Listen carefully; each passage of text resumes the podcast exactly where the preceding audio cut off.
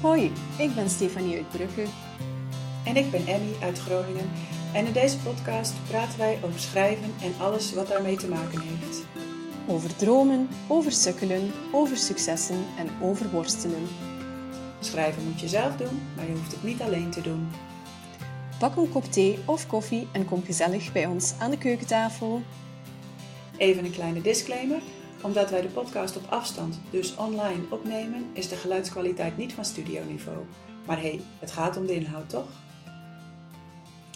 Hey, daar zijn we weer. Hallo. We gaan uh, vandaag weer een mooie aflevering voor jullie opnemen en gaan het hebben over research. Maar voordat we dat gaan doen, um, eventjes een huishoudelijke mededeling. Want je hebt misschien wel gehoord in de outro de afgelopen weken dat wij um, zeggen dat je ons kunt steunen via Petje Af. En dan kregen wij daar nogal wat vragen over van mensen. Dus we dachten, we leggen nog even uit hoe dat precies werkt. Nou ja, um, als je naar petjeaf.com slash schrijfpraat gaat, dan kun je daar uh, een aantal opties kiezen. Onder andere, ik neem mijn petje af.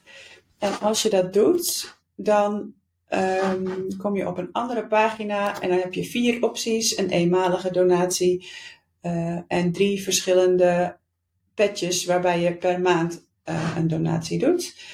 Um, en eigenlijk is dat het belangrijkste om te doen. Um, uh, je kunt via Ideal betalen. Uh, je kunt aangeven of je bericht openbaar mag op de pagina van Schrijfpraat. En als je dat niet wil, is het ook prima. Um, en eigenlijk ja, is dat alles wat je moet doen. Wat je nog wel even moet doen, en wat ik nu niet doe, omdat ik dat natuurlijk al heb, is dat je een account aanmaakt op Petje Af. voordat je kunt doneren. Maar volgens mij is dat ook in een paar muisklikken gedaan.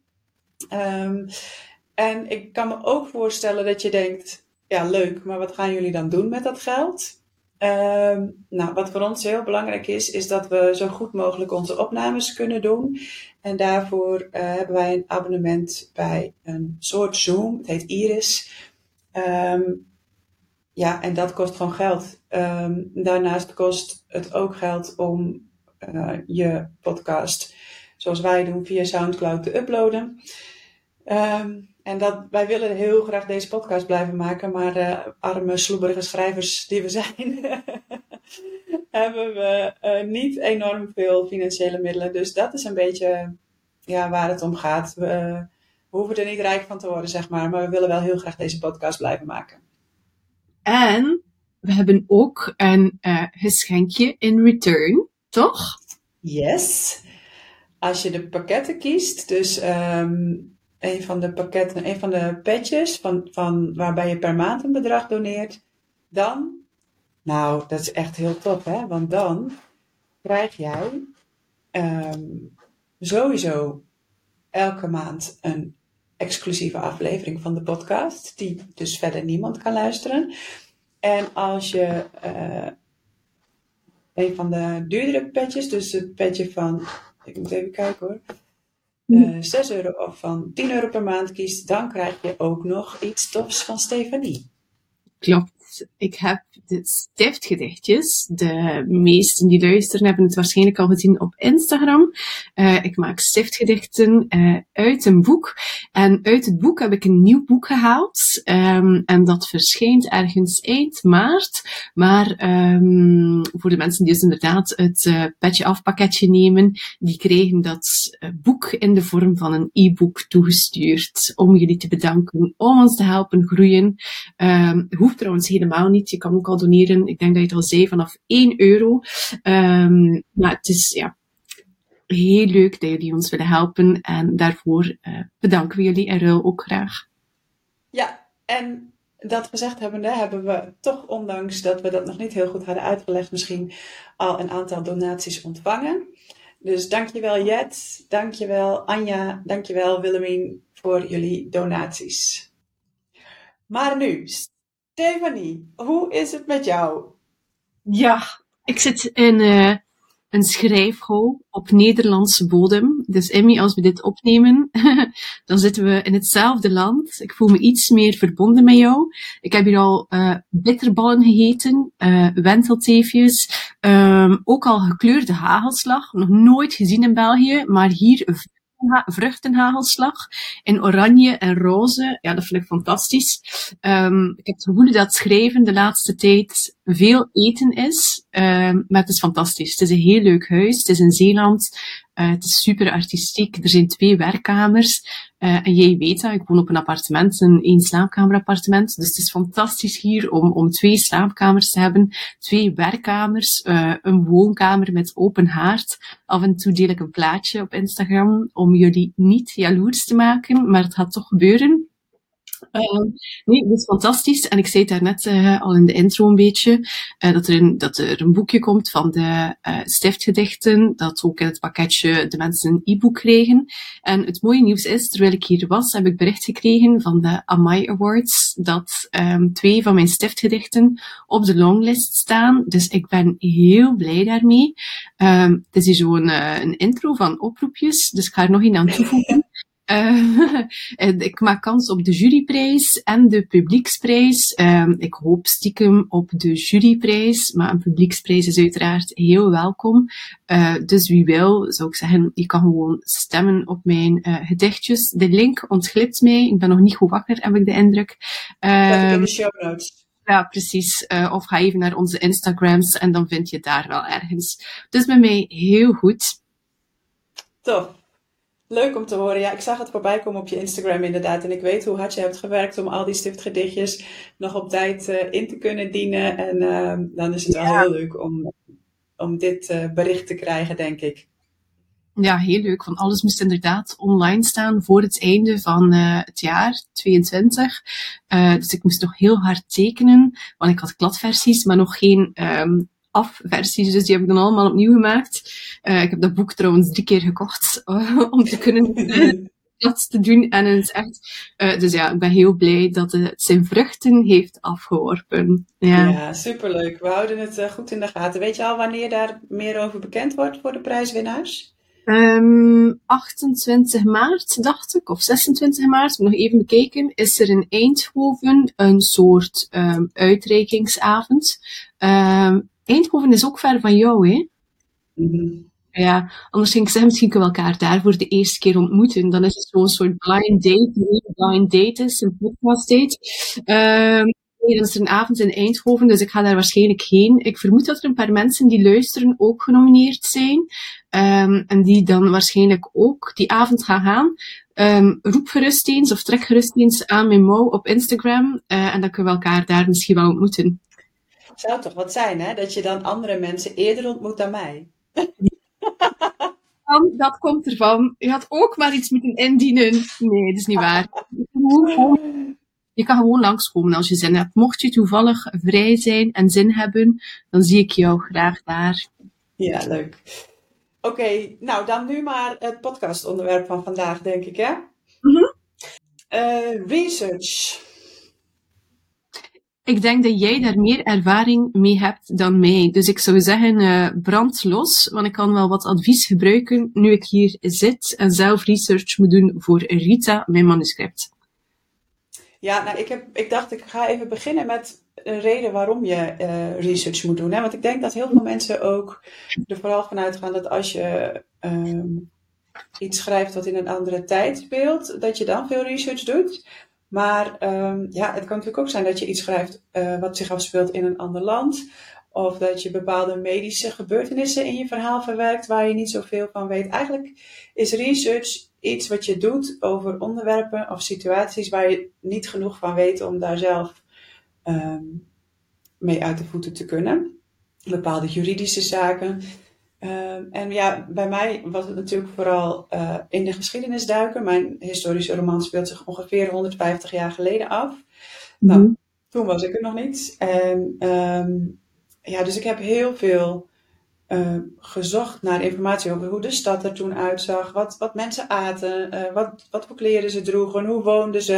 En, dus, en natuurlijk is, is een stad als Groningen in, in 150 jaar enorm veranderd.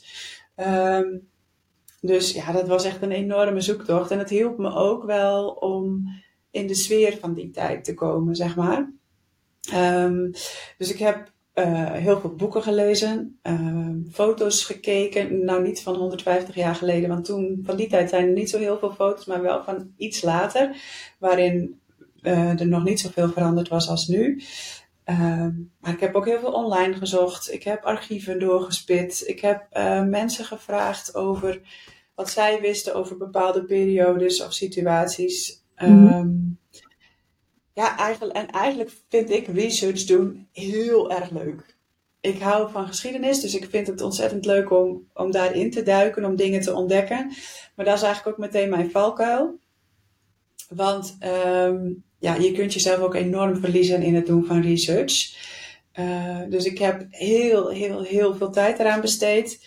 Uh, heel veel weetjes uh, gelezen en opgeschreven en nooit meer iets mee gedaan. Um, dan kun je zeggen, ja, zonde van de tijd en had ik misschien wat efficiënter moeten doen. Ja, deels is dat waar. Aan de andere kant um, heb ik heel veel dingen ook, nou niet heel veel, maar heb ik een aantal dingen ook wel juist weer uh, gebruikt omdat ik ze ergens had gelezen, terwijl ik niet wist dat ik ze daarvoor zou gebruiken.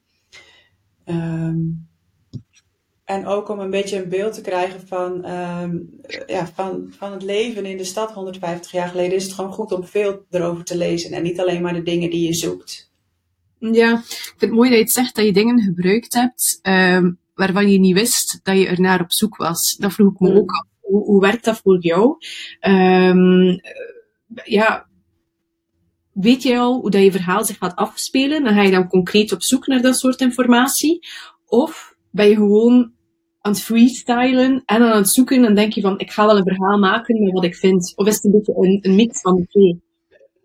Nou, ik wist wel. Nou, het, grappige is, nu je dit vraagt, herinner ik me opeens dat ik eigenlijk nog niet eens zo goed wist. Ik wist wel het onderwerp van mijn verhaal en ik wist ook mijn personage, maar ik wist nog niet zo goed in welke tijd ik haar wilde plaatsen. En ik had eigenlijk uh, een, nog eerdere periode in mijn hoofd, maar da, dat was gewoon heel moeilijk om daar informatie over te vinden. Dus toen heb ik toch besloten om haar aan het eind van de 19e eeuw te plaatsen. Um, en ja, toen ben ik wel wat iets concreter op zoek gegaan natuurlijk naar informatie over die dingen. Maar terwijl je schrijft, kom je ook heel veel dingen dat je tegen waarvan je denkt, hé, maar hoe zat dat eigenlijk toen? Of klopt het wel wat ik nu schrijf? Want ja, in eerste instantie was ik op zoek naar een straat in de stad waar destijds, uh, ja, zeg maar, krotten stonden, hele arme mensen woonden.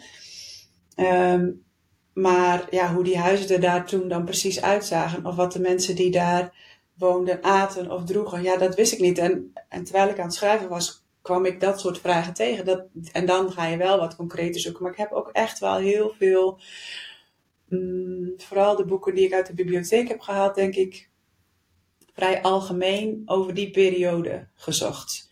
Omdat ik ook gewoon een beeld wilde krijgen van hoe het toen was. Ja, en heb je dan ook met mensen gesproken die misschien over hetzelfde, uh, over dezelfde tijd schreven als jij? Die misschien ook al research hadden gedaan, dat je een soort informatie kon uitwisselen. Ik kan me inbeelden dat dat handig is. Ja, nou, nee, ik heb wel iemand benaderd die, uh, ja, is hij stadshistoricus officieel? Dat weet ik eigenlijk niet. Uh, maar die wilde mij helaas niet uh, helpen, want die kreeg elke dag dat soort bezoeken, zei hij. Dus uh, daar kon hij niet aan beginnen. Um, en dat snap ik wel. En het probleem is ook een beetje, want ik wilde eigenlijk naar het archief hier in de stad gaan. Maar toen ik daarmee bezig was, was, uh, was er lockdown. Dus toen kon ik daar niet naartoe. Ik denk anders waren daar vast ook archivarissen geweest of medewerkers geweest die uh, mij daar nog wel een beetje mee hadden kunnen helpen. Dus ik heb wel veel alleen gedaan. En heb je het na de lockdown dan niet gedaan? Nee, toen was ik al zo ver gevorderd in mijn proces, uh, in het schrijfproces, dat het eigenlijk een beetje mosterd naar de maaltijd werd. Ja. Um, toen heb ik wel die, die ene meneer benaderd om te, of hij hè, het uh, manuscript wilde lezen om te kijken of het in grote lijnen klopte. Maar ik dacht later ook, ja, als je een historicus vraagt om een fictieve roman te schrijven, dan is het ook de vraag of je je doel bereikt. Want ja, er zit natuurlijk ook heel veel in wat ik zelf verzonnen heb. Mm -hmm. wel gebaseerd op een, op een historische uh, periode waar, en waar ik natuurlijk wel geprobeerd heb zoveel mogelijk dingen te laten kloppen. Ja. Maar er zijn ook dingen die niet echt zo gebeurd zijn en misschien ook niet zo zouden gebeurd zijn. God, het is zo'n moeilijke afweging dan om te weten wat dat factueel correct is en waar dat je, ja, waar dat je loslaat en waar dat je dan toch dicht bij de, de feiten moet blijven. Het mij moeilijk. Ik heb er nog geen ervaring mee, maar ja. Nou ja, voor mij was het heel belangrijk dat de historische context klopt. Maar ik heb bijvoorbeeld er ook voor gekozen om een personage toe te voegen in mijn verhaal wat echt heeft bestaan. Ehm, maar dat is niet het hoofdpersonage. Dus alle, alle interactie die dat personage dat echt heeft bestaan heeft met mijn hoofdpersonage, dat is natuurlijk allemaal fictie. Maar ik heb wel haar biografie gelezen en ik heb wel uh, een boek gelezen waarin uh, allerlei brieven van haar gebundeld zijn. Uh, om een zo goed mogelijk beeld te krijgen van hoe die vrouw in elkaar zat en hoe zij vermoedelijk zou kunnen reageren in bepaalde situaties. Dus ja, ja ik weet dat het, het heeft natuurlijk niet echt plaatsgevonden. Dus uh, ja, feitelijk klopt het niet. Maar ik heb wel geprobeerd het dan zo te maken dat het zou kunnen kloppen. Ja, en dan die, die echte persoon die bestaan heeft, die in het boek voorbij komt, heb je die gelaten precies zoals ze is? Of heb je daar ook wat afgeweken en gaan fictioneren?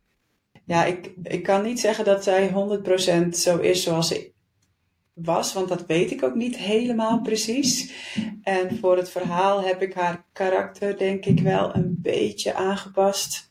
Je hebt daar niet, als ze 20 was bijvoorbeeld, heb je haar niet 40 uh, eh, gemaakt. Je hebt daar wel ja, ja, ja, tijden kloppen. En, op, en uh, er zit ook een stuk in um, waarin dat, dat personage in Londen is. En dat is in mijn boek dan ook in die tijd gewoon zo. Maar dat zij heeft een tijd uh, op kamers gewoond hier in de stad. En dat was, als ik het goed begrepen heb, als ik het me goed herinner ook, tussen 1875 en 1876. Maar in mijn boek kwam dat net niet goed uit. Dus dat heb ik, in mijn boek woont ze er iets langer en wat eerder al.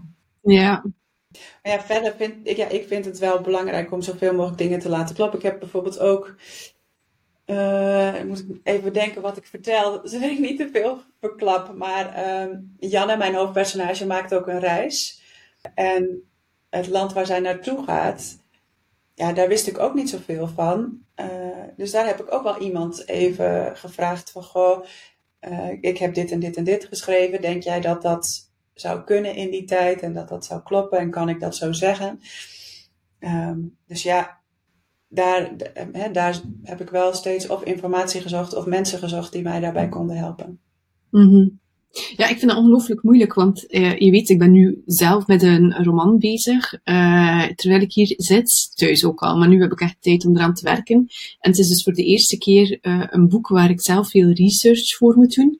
het gaat over um, afstandsmoeders in de jaren 60, 70 in België. Maar de geschiedenis België-Nederland is op dat vlak redelijk hetzelfde. Uh, dus gedwongen adopties uh, in die tijd.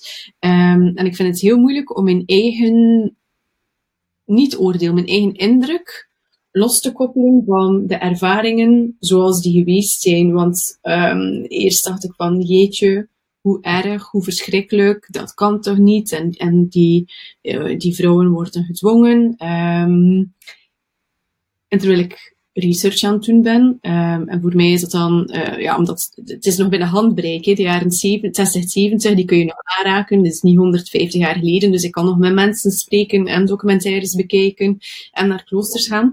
Uh, maar dan merk ik hoe meer verhalen ik van die vrouwen hoor. En dat kan via podcasts of via documentaires.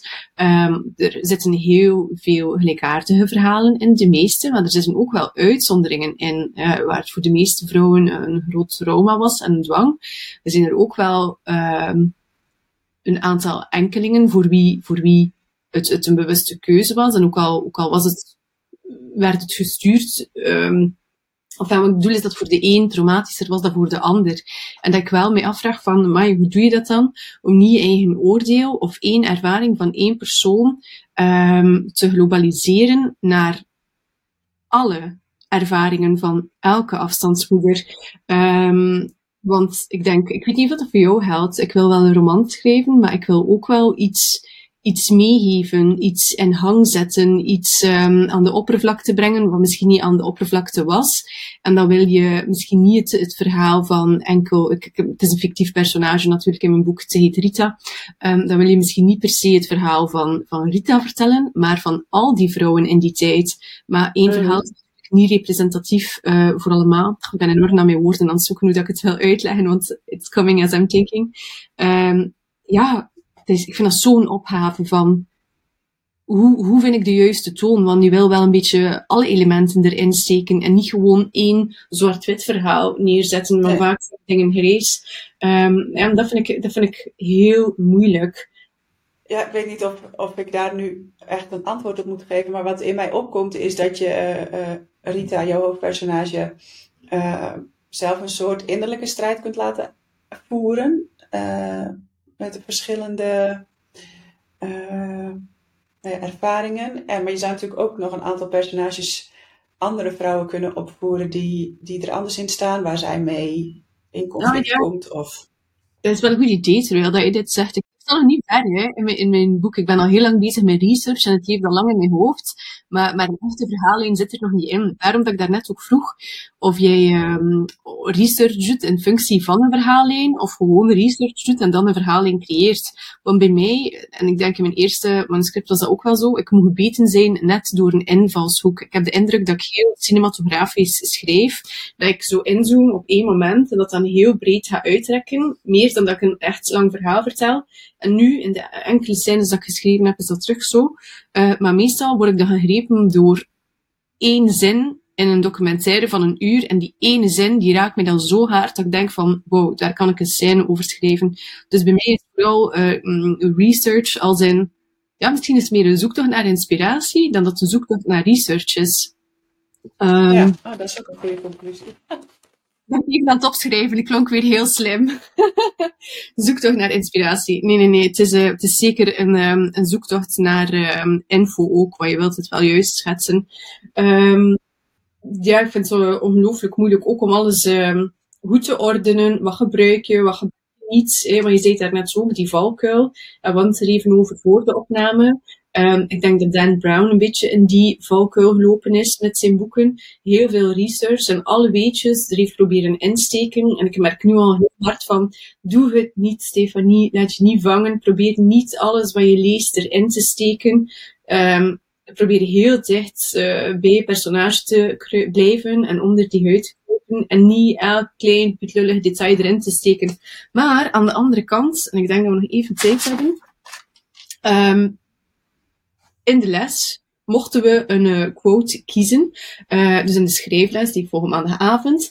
Uh, wat een verschillende, en kijk, deze heb ik gekozen. Niet de intentie telt, wel de miljarden mini-details die de intentie tot leven wekken. Dus dat is super contradictorisch. Nu zeg zo van, nee, ik ga niet de details erin steken, niet elk pietlullig detail. Terwijl dat mijn quote, wat ik heel belangrijk vind, is dat er ja, miljarden mini-details in zitten. Dus ik vind dat zo, zo'n balans.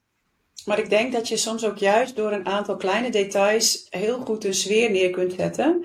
Zonder dat je daar heel erg uitgebreid iets over hoeft te vertellen. Dus dan zijn die details misschien juist wel weer um, ja, heel waardevol. Uh, maar wat jij net zei, is um, dat het ook goed is, van, dat het belangrijk is van hoe orde je zoiets. Hè? Ja. Um, en wat ik heb gedaan is, ik heb gewoon een schrift gemaakt. Maar dat was omdat ik toen ook nog heel veel in mijn schrift schreef ik heb in mijn schrift gewoon overal, uh, eigenlijk schreef ik het verhaal van voor naar achter en ik ging van achter naar voor um, uh, mijn, mijn research uh, structureren en ordenen. maar eigenlijk is het veel handiger om dat op de computer te doen. Maar ik schreef wel op welke foto's in welk boek ik had gezien en welke website ik bepaalde informatie had gevonden. Want in het begin dacht ik, oh ja, maar ik heb dit nu gevonden en dan weet ik het wel. Maar, maar op het moment dat je aan het schrijven bent, wil je toch weer iets dieper erin duiken en dan weet je niet meer waar je het gevonden hebt. En, eh, en ik weet niet of dat bij jou zo gaat met research, maar je klikt en je klikt nog een keer en je klikt door en door en door. En dan is het heel moeilijk om dat later nog een keertje terug te vinden. Ja, inderdaad. Ik heb het al gemerkt, uh, want ik ben super slordig in mijn research. En ik merk nu al van, ja, welke documentaire was dat weer? Welke minuut was het weer? Oh, ja. ik heb het helemaal opnieuw bekeken. Precies. Ja, dus dat is echt wel heel slim om in, in documentaires of podcasts waar je luistert om echt meteen op te schrijven waar je iets gevonden hebt. Uh, en inderdaad dan ook welke minuut. Ja. En het is wel belangrijk wat jij zelf net al zei, van, ik blijf maar research doen en ik blijf maar uh, zoeken naar informatie. Uh, soms is het ook belangrijk dat je op een bepaald moment ook gewoon gaat schrijven. En dan loop je er wel tegenaan dat je iets nog niet weet. En dan kun je dan veel gerichter zoeken naar wat je nog, nog niet weet of nog nodig hebt. En, Mhm. ja, maar geniet ook van het research doen. Voor mij heeft het nooit gevoeld als, oh, dit moet en het, eigenlijk zou ik het liever niet willen. Ik weet niet hoe dat voor jou is. Helemaal niet, omdat ik denk als je begint te schrijven over een bepaald onderwerp, is die intrinsieke, of dat intrinsieke verlangen er om meer te weten over dat onderwerp. Dus ik kan me Ja. niet heel, allee, ik denk als, als het voelt als een last, zo van, maar hier heb ik geen zin in, of dit interesseert me niet, ja, dan eh, ben je het verkeerde boek aan het schrijven, denk ik. Ja, Dus nee, het is zeker geen last. Het is een ongelooflijk plezier. Ehm, in die zin dat ik mijzelf er soms wat te veel in verlies, dat ik denk, stop. Ja. Nee, helemaal niet. Normaal is dat eh, ja, een van de leukste momenten, toch? Ja, ja, ik vind dat echt heel erg leuk. Eh, als ik nu, als ik straks met mijn tweede boek zou beginnen, dan zou ik wel een aantal dingen anders doen. Zoals? Nou, ik zou wel mijn tijd daar iets meer in beperken, denk ik. Ehm, en ja, sowieso ga ik dat tweede boek anders aanpakken dan het eerste boek. Dus ik, ga, ik, ik weet al veel beter waar ik naartoe wil met dat boek. Dus ik weet ook al veel beter welke informatie ik nodig heb eh, voor het verhaal. Dus ik kan al gerichter zoeken. Maar ik ga wel daar echt meer. eh, ik ga niet meer mijn hele dagen verliezen in die research. Dus, Ja. eh, dat ga ik me voornemen.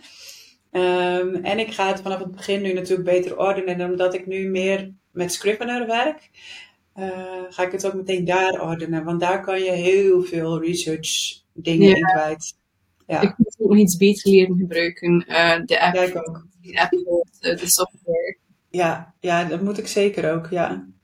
Nou, ik denk dat we er wel zijn over research. Zo, ja, ik kan er uren over praten, maar ik denk dat we de belangrijkste dingen eh, wel gehad hebben nu. Wat Ja. denk jij? Ja, ik ben een keer aan het kijken, eh, maar ik denk inderdaad dat we het meeste behandeld hebben. Mocht we iets vergeten zijn, je kan roepen of ons mailen, Zeker. vinden op Instagram. En doe dat ook vooral, hè. Vinden we hartstikke leuk. We zeggen het altijd in de outro, maar het is echt zo. We vinden het echt heel leuk als je een vraag hebt of eh, een opmerking over de podcast. Of je hebt een gast waarvan je denkt, hey, die zou ik wel eens in de podcast willen horen. Ja, laat het echt weten, want vinden we superleuk. Oké, in de volgende aflevering hebben we weer een gast, Rick van der Vlucht. En die spreken we over ehm, korte verhalen en dan specifiek historische korte verhalen. Dus ga dan ook vooral weer luisteren. Het is echt een ontzettend leuk eh, gesprek geworden. Nou, tot de volgende keer. Tot de volgende! Doei! Hey, leuk dat je weer geluisterd hebt. Luister je graag naar Schrijfpraat en wil je ons ondersteunen? Dan kun je doneren via petjeaf.com schrijfpraat. We zetten de link ook in de show notes. Je kunt ons ook helpen door een review te schrijven of een beoordeling te geven. Vijf sterren of zo. Daardoor komen wij hoger in de lijsten en help je nieuwe luisteraars om ons te vinden. Deel de podcast ook gerust in je netwerk of op social media en tag ons dan even. Wij vinden het superleuk om te weten wie je luistert. Heb je vragen of is er een onderwerp waar jij onze mening of ervaringen over wilt horen? Of is er iemand die je graag als gast in Schrijfpraat zou horen? Laat het ons dan weten. Dat kan via Instagram, at Stefanie Kroes Insta en at Emmy de Vries